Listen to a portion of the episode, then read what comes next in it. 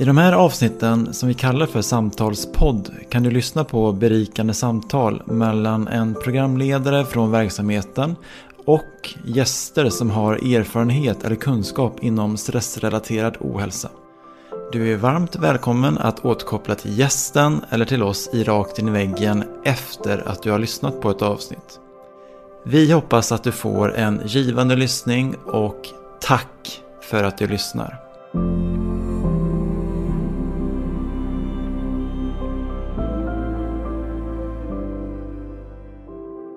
Väldigt, väldigt mycket av mitt liv låg ju i arbetsdelen. Eh, och det var ju som sagt där jag fick väldigt mycket bekräftelse och kickar och så vidare.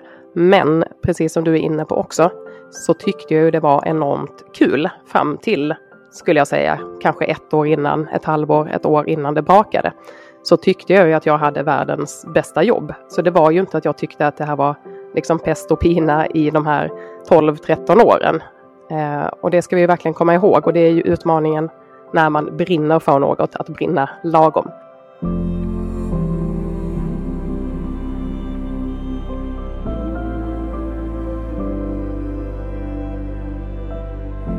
I månadens samtalspodd bjuder vi på ett specialavsnitt där vi samtalar med Malin Gunning. Malin arbetar som stresscoach, livscoach och föreläsare och har varit med i Rakt in i väggens uppbyggnadsarbete sedan två år tillbaka. Förutom att ta del av Malins gedigna kunskap och expertis inom stress och utmattning i dagens samtal vill vi också presentera Malins nya och egna poddprogram hos oss som är ett samarbete mellan Rakt in i väggen och Malin. Poddprogrammet heter Stresscoachen och kommer släppas en gång per månad från och med onsdagen den 13 december. Vi har delat in dagens samtalspodd i två delar. I den första korta delen får ni en kort presentation av Malin och ett samtal som är baserat mer på Malin i sin yrkesroll som livs och stresscoach samt föreläsare. Malin har nämligen redan delat med sig av sin personliga utmattningsresa i Rakt in i väggen sedan tidigare, varpå vi idag valde att fokusera mer på henne i sin yrkesroll. Du kan lyssna på hennes tidigare podd och personliga utmattningsresa via en länk i infotexten till avsnittet. I den andra längre delen djupdyker vi i Malins egna kurs Back to Life som är en kurs där Malin sammanställt lärdomar från sina coachingutbildningar, sin egen utmattningsresa samt erfarenheter och övningar från otaliga coachingsamtal och konversationer. Men nu tänker jag att vi drar igång podden med eh, någonting som vi kallar eh, för faktarutan. Och då kommer Malin få fem faktafrågor som då ger dig som lyssnar en bättre profil kring vem Malin är. Och då börjar vi med första frågan. Vad är ditt namn? Tycker det är skönt att vi börjar, att vi mjukstartar med lite så här enkla, enkla frågor. Mitt namn är Malin Gunnäng. Ålder? 41, nyss fyllda. Vart bor du? Jag bor i Lund, vilket säkert dialekten skvallrar om. Lite. Lite ja, i alla fall de södra regionerna i landet.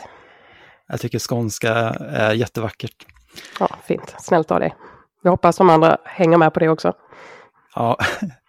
vad, vad jobbar du med? Jag jobbar idag som stresscoach, livscoach och föreläsare. Och den korta beskrivningen där är att jag hjälper privatpersoner och företag till ett mer hållbart liv. Och nu när vi ändå ställer den frågan så tänkte jag att vi skulle koppla in en lyssnarfråga som, som du har fått när du gick ut och eh, ja, frågade om det fanns några eh, frågor från följare och lyssnare inför det samtalet. Och då har vi en fråga från en tjej som heter Emma. Och hennes fråga lyder Jobbar du bara med människor som har gått in i väggen? Frågetecken. Ja men Emma, det är väl en eh, jättebra och relevant fråga och jag brukar försöka dela upp det ganska enkelt i tre olika grupper. Där den ena, första gruppen absolut är personer som har gått in i väggen eller precis är i en utmattning eller väldigt ofta är på väg tillbaka från en utmattning där man är rädd att falla tillbaka igen. Men jag jobbar också med personer som kanske känner att man är på väg in i väggen, det vill säga att man känner av mycket varningssignaler, man känner att det här är på väg i en riktning dit jag inte vill och att man vill ha hjälp att bromsa innan. Och den tredje kategorin skulle jag säga är personer som kanske inte nödvändigtvis har en akut liksom stress eller utmattningsproblematik, men där man däremot känner att jag vill något mer, det måste finnas något mer, jag är trött på den här ekorrhjulskänslan där man springer vecka efter vecka och att man vill hitta sina drivkrafter och komma vidare i livet. Och där går jag ju då, i de två första eh, jobbar jag ju mer specifikt om man säger som stresscoach och i den tredje går jag in mer som livscoach där vi jobbar med drivkrafter och så vidare. Just det, tack Malin. Eh, och tack Emma som ställde frågan. Eh, du, precis som du nu berättade så coachar du människor och du har förutom då att du coachar så har du också samlat mycket av din kunskap i en kurs. Yes, det stämmer. Och det jag kan nämna kort om den kursen, det är att den heter Back to Life och vi kommer att eh, djupdyka i den lite senare, kapitel för kapitel. Och det är så att jag, Alexander, då har provat hela Malins kurs sedan tidigare inför det här samtalet. Så förutom att vi då sen när vi går igenom eh, Malins kurs så kommer Malin att kunna få berätta lite kort om varje kapitel. Men jag kommer också kunna dela med mig lite av eh, mina erfarenheter och upplevelser från när, när jag gjorde kursen. Härligt! Ja, och det här leder oss då in eh, på nästa fråga och eh, den här frågan tycker många eh, som har varit, varit med i vår podd är den svåraste frågan. Och frågan lyder då, vem är Malin Gunning?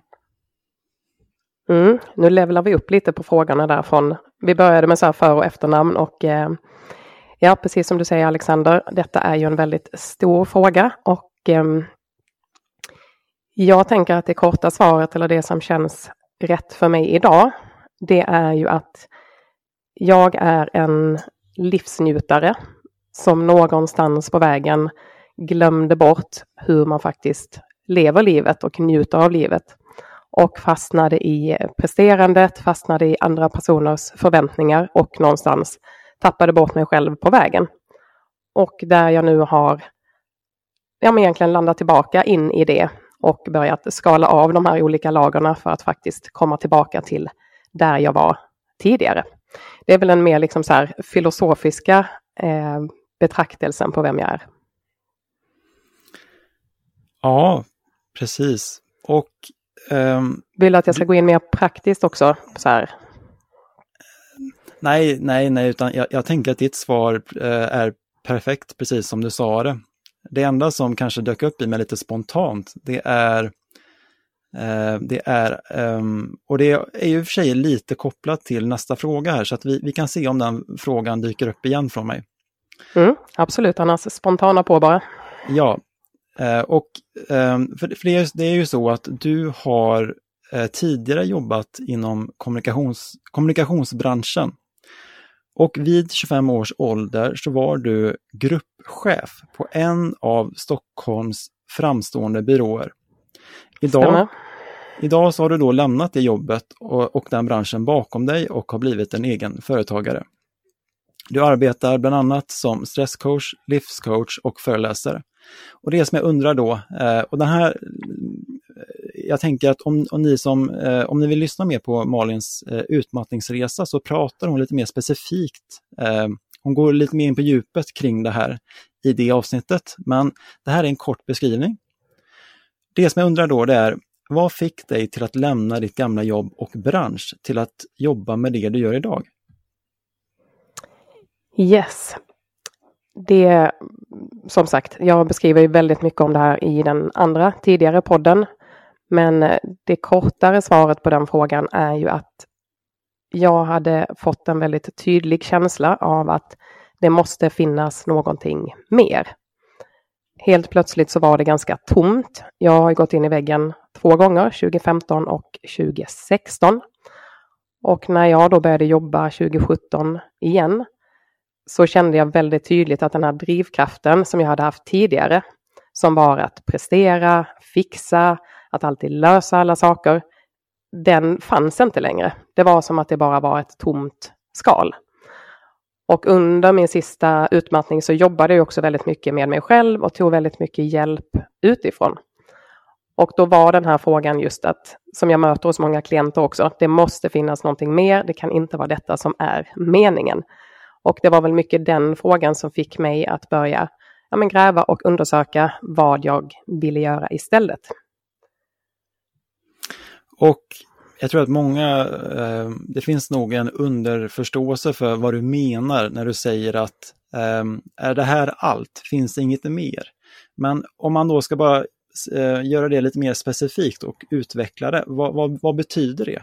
När du säger då att eh, finns det inget mer än det här, vad är det som det inte är mer än för något?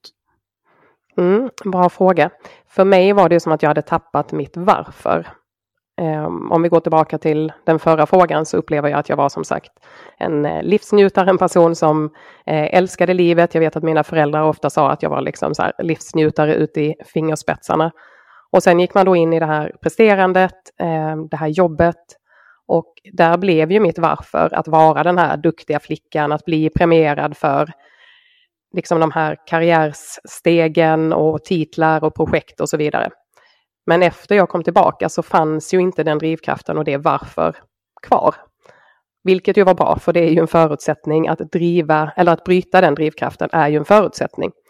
Men då hade jag ju inget varför till varför jag skulle gå till jobbet på morgonen. För att mitt varför kunde inte längre vara att jag skulle vara bäst eller prestera eller dra in nya projekt eller hjälpa andra och, liksom, och så vidare. Så att det, det blev ganska tomt. Så att jag saknade ju helt enkelt mitt varför och insåg att det måste finnas ett, ett nytt varför och jag började väl också inse att jag behövde ett varför med ett större djup, att det inte kunde handla om att tjäna mer eller få bättre titlar eller avancera och så vidare.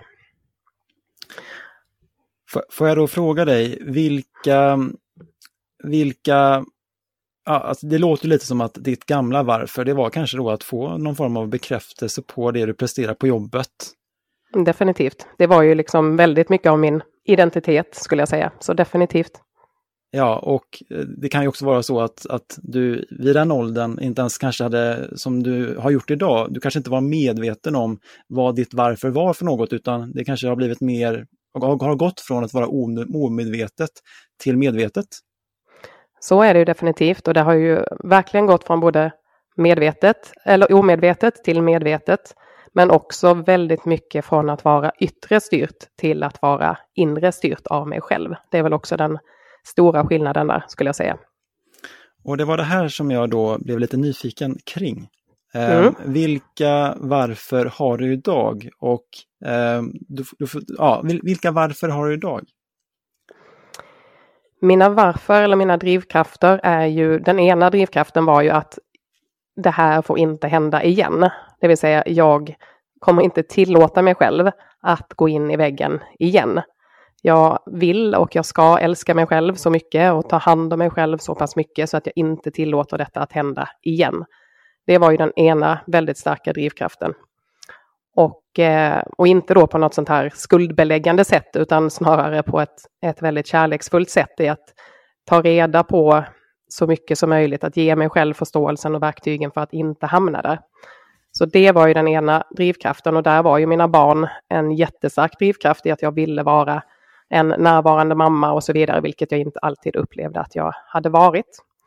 Så det var ju drivkraft nummer ett och den andra skulle jag säga var att använda min resa till att kunna hjälpa andra. Jag hade ett citat som jag läste någonstans i, i min utmattning eller i min andra utmattning. Och det var det här att let your past make you better, not bitter. Och det var någonting som jag fastnade vid väldigt mycket. Att jag inte ville hamna i det här att det var synd om mig eller varför skulle detta hända mig? Utan snarare se hur kan jag använda den här möjligheten? Även om det låter lite klyschigt och det var ju såklart inte så man kände exakt i stunden när det här hände. Men väldigt snabbt hittade jag ändå den drivkraften i hur kan jag göra detta eller använda det här som nu har hänt till att skapa ett bättre liv för mig själv. Men det kändes också liksom lite för litet. Eh, och där kommer ju det här varför i att faktiskt då kunna hjälpa andra och vara den stöttning som jag själv önskar att jag hade haft på vägen. Ja, okej. Okay. Um, ehm, Var det svar så, på din fråga? Ja, den ena delen då, det är väl om man ska summera det, att, att eh, må bättre och den andra är väl mer att kunna använda dina erfarenheter för att hjälpa andra. Stämmer. Um, och en annan sak som jag, nu ska vi inte vi gå in för djupt på din tidigare berättelse, men en sak som jag ändå fastnar lite för när jag lyssnar på den igen, eh, din utmattningsresa i den andra podden, det var att du eh, berättade att jag, jag tror det var någonstans i en sekvens där du pratar om att det finns olika beroenden. Eh, att man då kan vara beroende av droger, man kan vara beroende av eh, alltså droger som alkohol. Jag, jag tror du nämnde alkohol. Mm, mm, eh, men en sak då eh, som man kanske inte pratar så ofta, så, pra, en sak som man kanske inte pratar så mycket om när det gäller att vara beroende av något, det är att eh, vara beroende av sitt jobb. Alltså att eh, vara en arbetsnarkoman. Och nu vet inte jag om det är kanske är rätt ord, men Nej, men det tycker jag väl absolut. Det är ju um, det, arbetsnarkoman är ju ett ord som jag absolut inte skulle ha tagit i min mun när jag var, alltså innan jag gick in i väggen, för jag tyckte ju bara att jag var en, ja men en, en tjej som gjorde ett grymt jobb och presterade och löste grejer och så vidare. För att jag var, som du säger, väldigt omedveten om det här då. Men eh, precis som jag säger i den här andra podden också, så kan ju inte det här likställas med något annat än ett, ja, men, än ett missbruk. Och där jag tack och lov aldrig har haft några andra problem i form av andra eh, droger eller alkohol och så vidare. Men däremot där jobbet har varit en extremt viktig del. Och vi ska ju inte djupdyka för mycket in i vår hjärna här eh, idag, inte än i alla fall. Men de dopaminkickarna som vi får när vi får bekräftelse på jobbet, eller det kan ju också vara utanför jobbet, det vill säga att man vill vara den bästa mamman eller den bästa partnern och så vidare. Men när vi får de här bekräftelserna så är det ju en extrem dopaminkick i vår hjärna på samma sätt som vi får av andra typer av droger. Och precis som med andra droger så att räcker det ju inte att få samma dos vecka efter vecka, utan för att vi ska få samma kick så behöver vi också öka dosen. Det vill säga vi behöver jobba mer, vi behöver få större bekräftelser för att annars så, ja men precis som sagt med andra droger, så blir det inte den här kicken längre. Och det är det som gör att man pushar sig själv längre och längre hela tiden. Precis. Och eh, någonting som jag själv har insett, för jag, varför jag fastnade just för den delen när du sa det där, det är ju för att jag själv har, det finns en spegling i mig. Eh, jag själv har ju märkt att, att, eh, att, att jag har många gånger fastnat eller drunknat i mitt arbete. Mm. Och, det, och jag, jag, tycker det är väldigt kul att få arbeta, speciellt om det är någonting som jag själv har en väldigt stor möjlighet till att påverka i. Eh, men samtidigt så ska inte det få bli på bekostnad av andra delar av livet. Och jag har börjat förstå det mer och mer att, eh, att alltså jag, jag har börjat att se mig själv mer holistiskt. Och i den resan så har jag märkt att det finns ju så mycket mer utanför jobbet. Det är familj, det är vänner, det är kanske hobby och, och annan fritidssysselsättning. Ja, you name it. Mm. Om vi bara tar gamla Malin då och Malin idag. Eh, vad, och så delar vi då in ditt liv i olika kategorier. Säg då att arbete är en kategori, en stor kategori som innefattar mycket. Vilka delar av det där livspusslet hade du då och vilka delar har du idag? Mm. Det man kan säga där är ju att väldigt, väldigt mycket av mitt liv låg ju i arbetsdelen. Eh, och det var ju som sagt där jag fick väldigt mycket bekräftelse och kickar och så vidare. Men precis som du är inne på också, så tyckte jag ju det var enormt kul fram till skulle jag säga, kanske ett år innan, ett halvår, ett år innan det brakade, så tyckte jag ju att jag hade världens bästa jobb. Så det var ju inte att jag tyckte att det här var liksom pest och pina i de här 12-13 åren.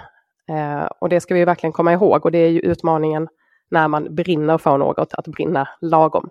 Eh, och det innebar ju också att jag fick väldigt mycket av min stimulans, alltså intellektuellt och så vidare, i arbetet. Så jag hade ju inga, inga hobbys. Eh, väldigt mycket av mina liksom, vänner och så vidare hade jag på jobbet eftersom jag jobbade så pass mycket och också reste ganska mycket.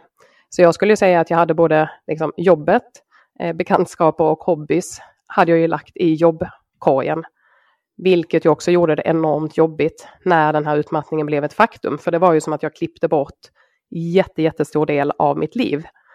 Eh, till skillnad från det här som du är inne på, den balansen som man söker, att man har jobbet som en pusselbit, vilket jag har idag. Man har vänner som en pusselbit, man har relationer som en pusselbit, vilket gör att om en av de här delarna börjar skaka lite grann, lite som man brukar säga att inte lägga alla ägg i samma korg. Det var ju verkligen det jag hade gjort tidigare.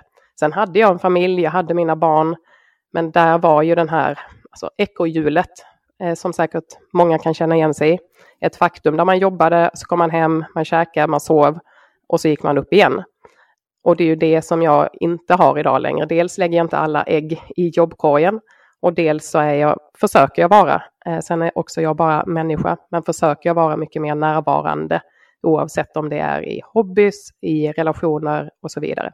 Och även att jag har en relation till mig själv, vilket jag skulle säga att jag inte hade tidigare.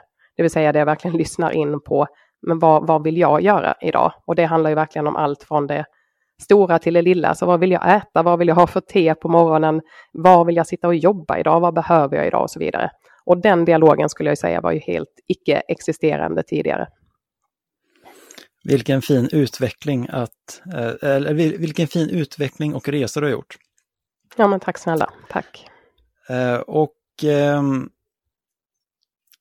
och det, det som jag kan understryka i det här det är ju att, att det är ju absolut inget fel med att, att känna passion för sitt arbete. Och det är eh, kanske speciellt då om det är ett arbete där man är egen eller där man då kan, har mer frihet i, i vad man kan påverka. Utan det som, vi, som, som jag kanske ville lyfta fram här, eh, det var väl mer att hur viktigt det är med en balans.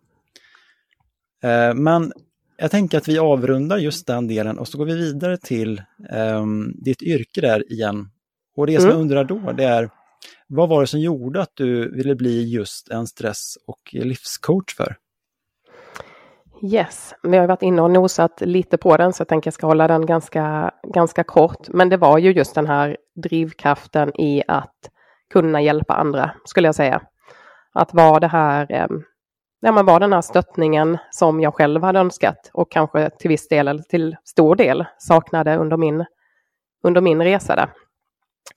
Och eh, tillbaka till det här citatet som jag var inne på innan, att let your past make you better, not bitter.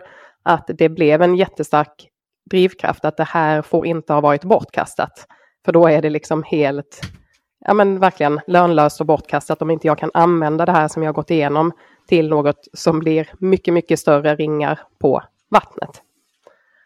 Och jag vet ju att jag började ju föreläsa redan 2016, så det var ju i min andra utmattning och att jag då kände något som jag aldrig hade känt förut, det vill säga något typ av syfte, någon typ av självklarhet som jag aldrig har upplevt tidigare. Och när jag började undersöka den och eh, just liksom lyssna inåt så insåg jag att där fanns ju något helt nytt och just det här varför och den här drivkraften som jag hade saknat. Vilka tre saker gillar du bäst med det jobbet du har idag? Ja, men då blir det lite repetition. Det jag sa ovan, att få hjälpa andra, är ju absolut det jag gillar mest. Nummer två, om man nu ska gradera dem, eller de ligger kanske lika, det är ju just friheten. Att få vara fri, att kunna jobba när jag vill, i stort sett jobba varifrån jag vill och så vidare. Att ha mycket tid till de här olika sakerna i min vågskål. I att kunna vara närvarande med barn, i andra relationer, och så vidare. Eh, så att, att kunna styra min tid är enormt viktigt. Och eh, också att kunna lyssna in på mina behov. Vissa dagar älskar jag att vara ute och föreläsa, träffa folk och så vidare. Andra dagar så behöver jag bara landa hem, eh, jobba från soffan med en tekopp, kanske skriva saker och så vidare. Så att det är ju fortfarande så att jag lyssnar in väldigt mycket på min kropp, vad den behöver. Och den möjligheten får jag i det jobbet som jag har skapat nu. Och det tredje då är väl ja, men just att inspirera, att få vara den här rösten som sagt, eh, som jag själv önskar att jag hade fått vara. Och varje gång man ja, man får mail eller meddelande på Instagram eller med i coachingar eh, så blir det en bekräftelse på den här drivkraften. Men jag ser inte det längre som en negativ bekräftelse utan jag ser det ja, men mer som en, en fin vägledning att jag gör någonting som är faktiskt meningsfullt, både för mig själv och för andra. Och det skulle jag vilja säga är liksom den finaste kombon, att kunna aligna båda de två så att säga. Mm. Vilka är de tre största utmaningarna med det jobbet du har idag? Mm, vissa är ju faktiskt ganska lika de utmaningarna som jag hade i mitt tidigare jobb, vilket innebär att jag hela tiden måste jobba med mig själv för att inte falla in i dem. Och eh, en utmaning är ju att man aldrig blir klar. Alltså jag kan alltid göra mer. Jag kan alltid lägga upp mer content på Instagram, jag kan alltid svara fler på Instagram, jag kan alltid skicka fler inspirerande mail, jag kan alltid ta fler till coaching och så vidare och så vidare. Eh, så här handlar det väldigt mycket om att lära sig att göra good enough och att liksom inte pusha sig själv för långt. Ehm, en annan utmaning är väl det här med sociala medier som jag har valt att ha väldigt mycket som mitt arbetsverktyg. Men det innebär också att risken finns att man blir väldigt mycket tillgänglig och det är ju någonting som jag hela tiden jobbar med och eh, också försöker balansera upp på olika sätt. Så det skulle jag också säga är en, en utmaning som kräver, eh, ja, men kräver sitt, eh, sin medvetenhet för att inte falla in i att sitta uppkopplad och liksom falla in i de vanorna igen där. Och sen tror jag den sista utmaningen är väl att inse att jag kan inte hjälpa andra, eller hjälpa alla. Jag kan hjälpa andra, men jag kan inte hjälpa alla. Och det tror jag att kanske många kan känna igen sig om man, om man jobbar i ett, vad ska man säga, syftesdrivet yrke, där man faktiskt har det som, som sitt kall, låter väldigt stort, men jag tänker alla som jobbar, allt från skola till vård till alltså, så, så vidare, eh, att inse att jag kan inte hjälpa alla. Och det, den begränsningen behöver man också ha för att då inte köra över sig själv igen. Så det är väl ändå de utmaningarna eh, som eh, jag skulle säga att man får, eh, får parera löpande och checka av med sig själv. Ja, och eh, sen vet jag också att du är eh, egenföretagare. Eh, finns, det någon, finns det någon utmaning med det också jämfört med att vara anställd som det var tidigare? Eh, ja, ehm, en utmaning där är väl liksom att jobba med det här med alltså ovisshet. Vi kommer komma in på det lite när vi pratar vidare här. Att vara egen är ju en ovisshet. Alltså du, det är inte så att du går till jobbet, du har en fast lön i slutet på varje månad eh, och du kan mer eller mindre bara gå dit. Men det var också det jag inte gillade eh, i slutändan. Men det är väl definitivt en, en utmaning i att det är ju du som skapar det själv. Om du inte skapar något så kommer det inte in klienter, det kommer inte in pengar och så vidare. Eh, så att lära sig att jobba med den balansen och att se friheten som det innebär som en större uppsida än vad eh, oron och ovissheten innebär. Du har nu lyssnat klart på den första korta delen i vår samtalspodd med Malin Gunning. Men häng kvar här för i nästa del kommer du som lyssnar att få ett riktigt fint erbjudande som du inte vill missa.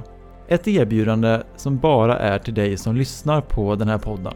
Men innan vi kör vidare så ta gärna en liten paus om du vill. Sträck på kroppen, ta något gott att dricka eller gör det som din kropp behöver just nu. Vi välkomnar dig sen tillbaka till poddens andra del där vi kommer att djupdyka i Malins egna kurs Back to Life. En kurs som hittills har hjälpt hundratals personer att skapa ett hållbart liv genom vägledning, tydliga strategier och verktyg. Så om du också är trött på att kämpa dig igenom dagarna, vill börja leva istället för att bara överleva och få känna den här glädjen och energin igen, ja, då vill du hänga med oss vidare här. Så ta hand om dig så hörs vi snart igen. Vill du också medverka i Rakt in i väggens podcast? Besök vår hemsida för mer information på www.raktinivaggen.com medverkan. Om du vill tipsa oss om en poddgäst eller om du har en fråga eller synpunkt på det vi gör kan du alltid mejla oss på podcast raktinivaggen.com för att få svar. Tack för att du lyssnar.